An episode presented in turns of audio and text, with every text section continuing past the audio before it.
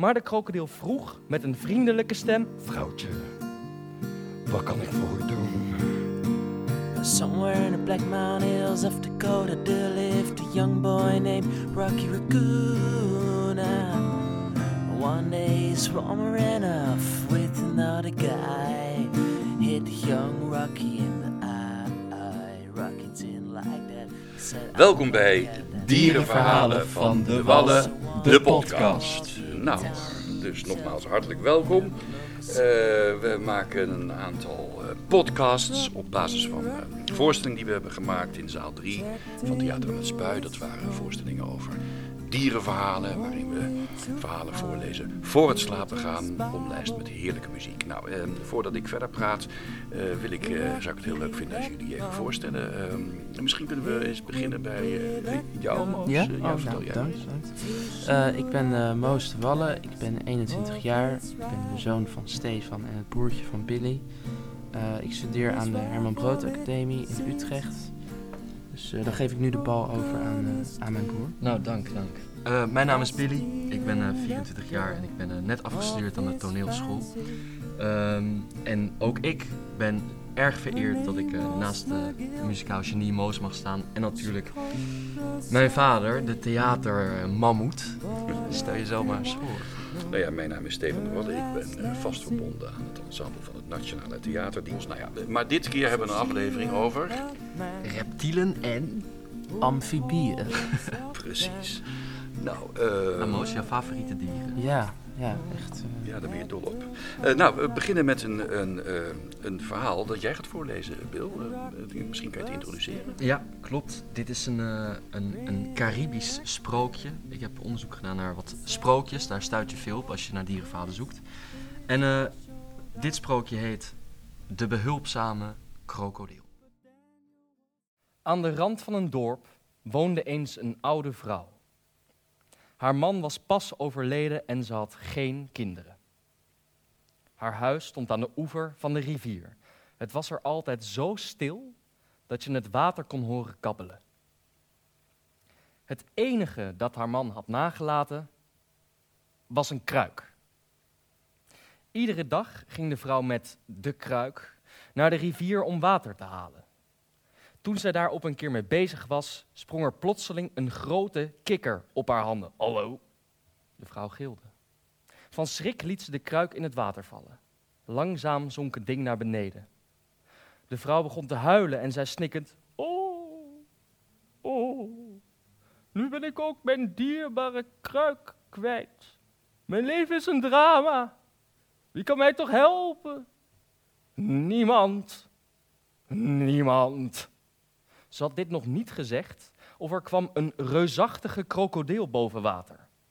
De vrouw begon te beven en sloeg de handen voor de ogen. Eerst die grote kikker en nu zo'n enorme krokodil. Maar de krokodil vroeg met een vriendelijke stem. Vrouwtje, wat kan ik voor u doen?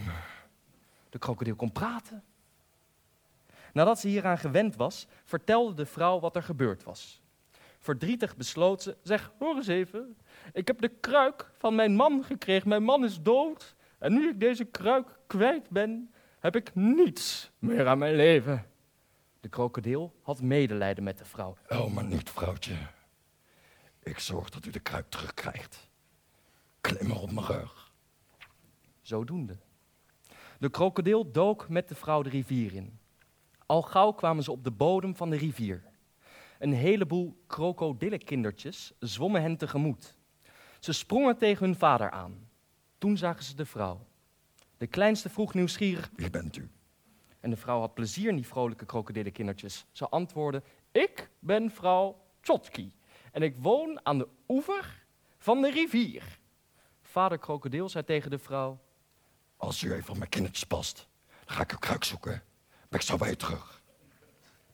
Maar vader krokodil zwom niet echt weg. Hij verschool zich achter een rots. Hij wilde wel eens zien hoe die vrouw met zijn kinderen omging. Hij wachtte in spanning af. De vrouw was heel aardig voor de krokodillenkindertjes. Ze aaide hen over hun bobbelige bolletjes. Tevreden zwom vader krokodil weg om de kruik te zoeken.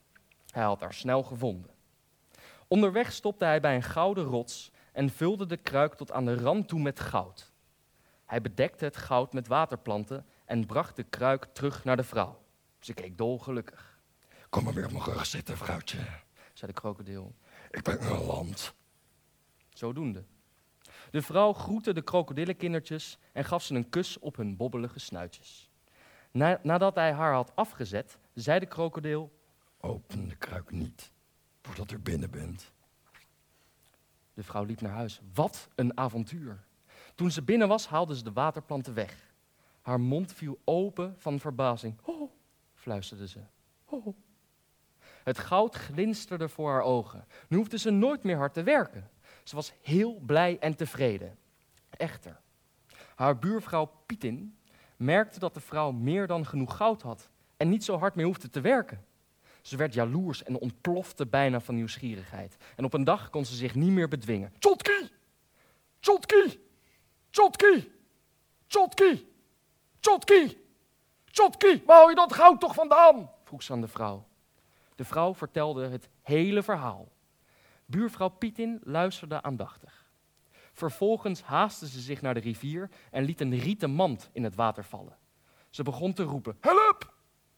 Help! Help! Help! Meteen kwam de krokodil boven water. Alles ging precies zoals de vrouw verteld had. Buurvrouw Pietin lachte stilletjes. Toen ze de krokodillenkindertjes zag, trok ze haar neus op. Wat een lelijkerts. dacht ze. Ze wachtte totdat vader krokodil weg was. Toen snauwde ze de kindertjes af. Ze duwde ze in een hoek en verbood hen in haar buurt te komen. Vader krokodil zag en hoorde alles vanuit zijn schuilplaats. Woedend zwom hij weg om de mand te zoeken. En hij had haar snel gevonden. Toen hij de man- mand gevonden had, vulde hij hem met grote en kleine slangen. Vervolgens bracht hij Pietin naar de oever en gaf hij haar de goede raad om de mand pas open te maken Wanneer al je ramen en deuren van je huis dicht zijn. Zonder de krokodil te bedanken, snelde buurvrouw Pietin naar huis. Ze keek hebberig en sloot vol ongeduld alle ramen en deuren. Toen haalde ze het deksel van de mand af. En na die dag heeft niemand buurvrouw Pietin nog gezien. Oh, dank. Dank u wel, dank u wel. Ja, Die, die buurvrouw die Pieter. buurvrouw Pietin. Nou, dankjewel Bill. Wat een eh, leuk en grappig verhaal. Heel goed dat de krokodil zo'n... met- dat hij met zachtaardige stem zegt en dan... eh, dat er een heel eh, heftig geluid uitkomt. Ehm, nou, dan gaan we nu verder met muziek. Ehm, eh, we krijgen een eh, fragment eh, van Hound Dog, van, gespeeld door Chad Moerland... in een bluesversie. Maar Moos, hound dog, wat heeft dat dan eigenlijk te maken met reptielen en amfibieën? Ja, nou ja, in overleg met, met Chad, met Chad Moerland, die het gaat uitvoeren, hadden we bedacht van nou, wat kunnen we doen? Er zijn niet echt heel veel dieren over reptielen en amfibieën, of liedjes over reptielen en amfibieën geschreven. En toen gingen we het even wat verder zoeken en toen dachten we van nou, Elvis, hè, Elvis, vissen leven in het water, amfibieën ook. En toen kwam Chad van, oh, maar ik weet een hele gave versie van Hound Dog, een bluesversie. Misschien kun, kan ik die wel doen. Oké. En eh, nou ja, toen dacht ik van, nou ja, omdat het Elvis is, vissen, amfibieën. Oké, vooruit, weet je wel, het kan. Laten we het doen. Ik reken het goed uit. Ja, precies. Nou, prima. You ain't nothing but a hound dog, snooping round my door. You ain't nothing but a hound dog, snooping round my door. You can wag your tail, but I ain't gonna feed you no more. You told me you was high class, I could see through that. You told me you was high class, I could see through that. And mama, I know you You ain't nothing but a hound dog, snooping around my door. You ain't nothing but a hound dog, snooping around my door. You can wag your tail, but I ain't gonna feed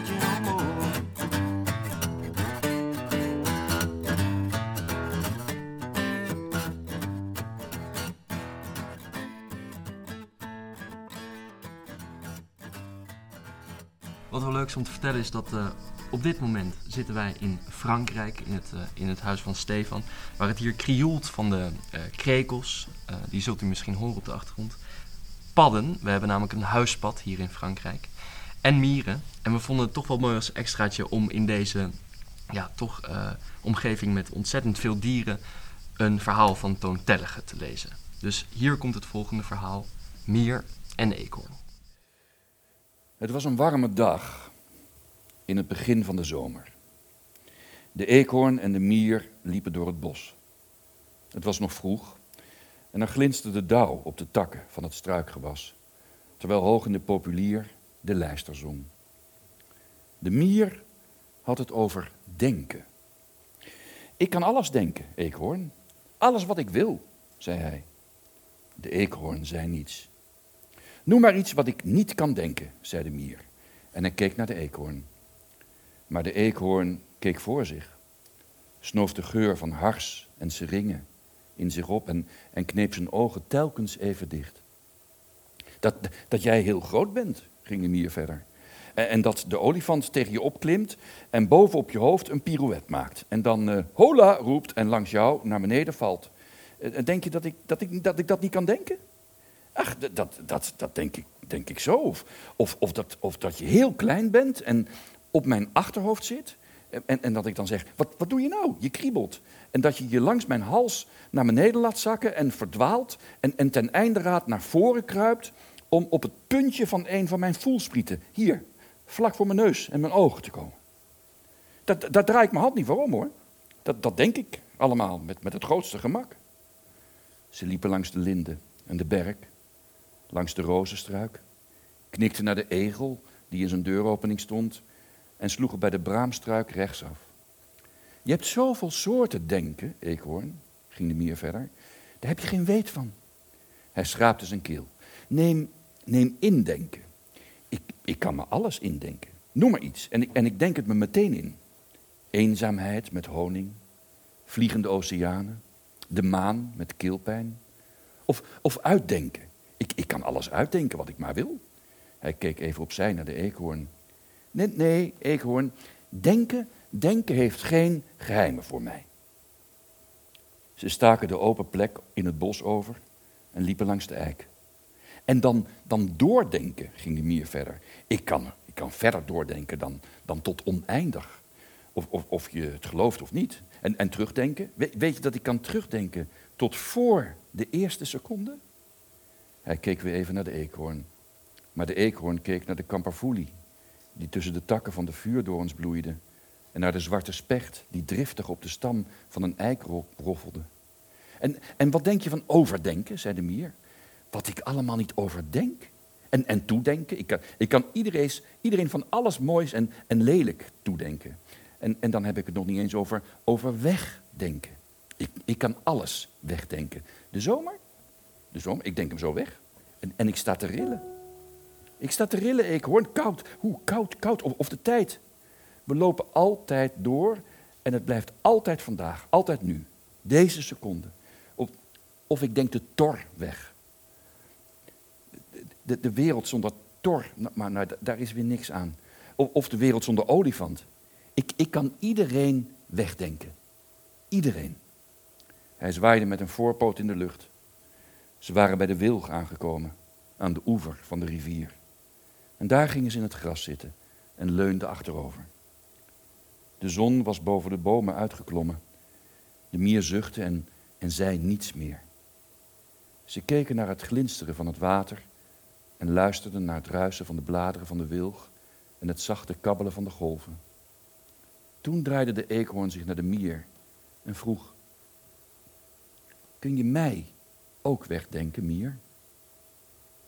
Jou?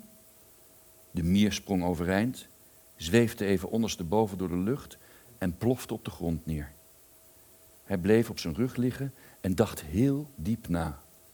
Fronste alle rimpels die hij op zijn voorhoofd had, zwaaide met al zijn poten en voelsprieten en zei toen zachtjes: Nee, jou niet. Ik jou ook niet, zei de eekhoorn.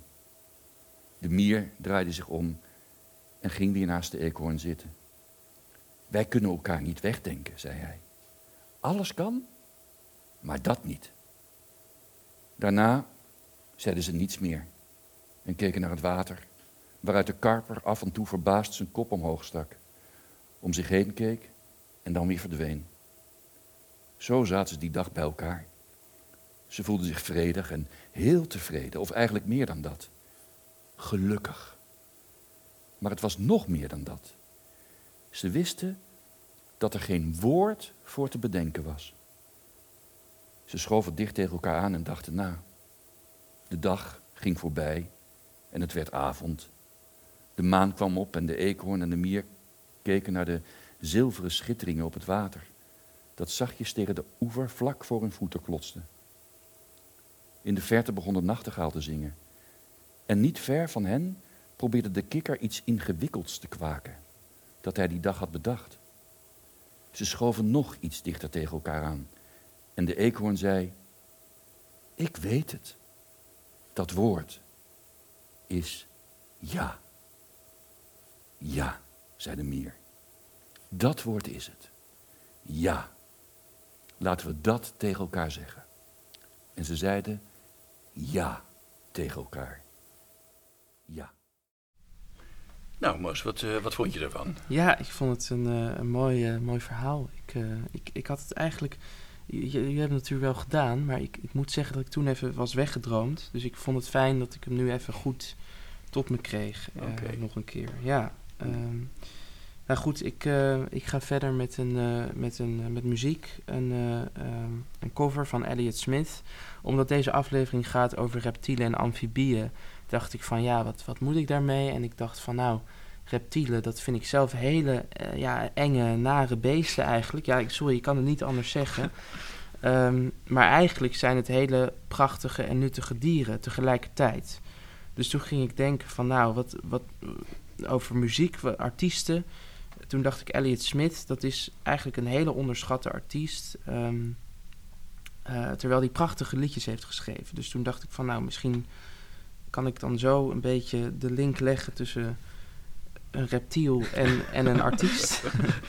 Maar dus de Eh, tegenstelling bedoel je eigenlijk? ja. Dat iemand, eh, Ja, dat, dat iemand dat wordt onderschat eigenlijk. Ja. Van, oh, maar die... Oké, ja... Nou, Elliot Smith die werd op zich op, op een gegeven moment wel erkend... maar die werd heel lang niet gezien. Van, oh, ik weet niet wie die gast is en whatever.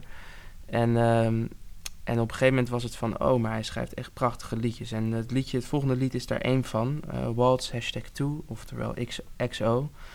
En eh, dat ga ik voor jullie spelen als een soort van ode aan, eh aan Elliot Smith.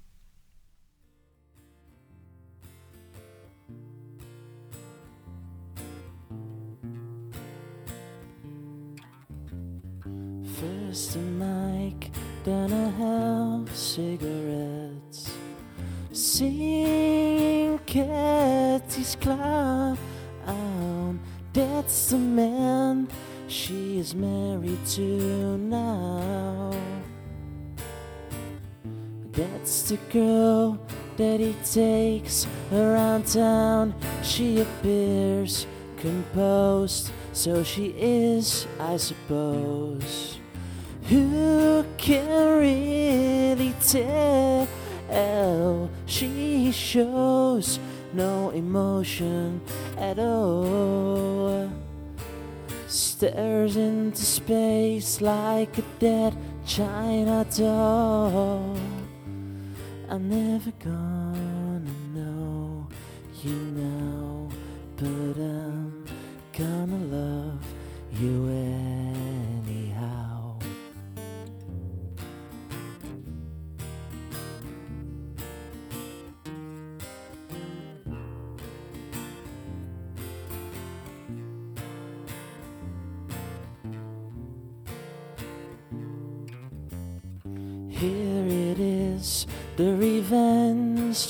You're no good. You're no good. You're no good. You're no good. Can't you tell that it's well understood? I'm never gonna know you now, but I'm gonna love you anyhow.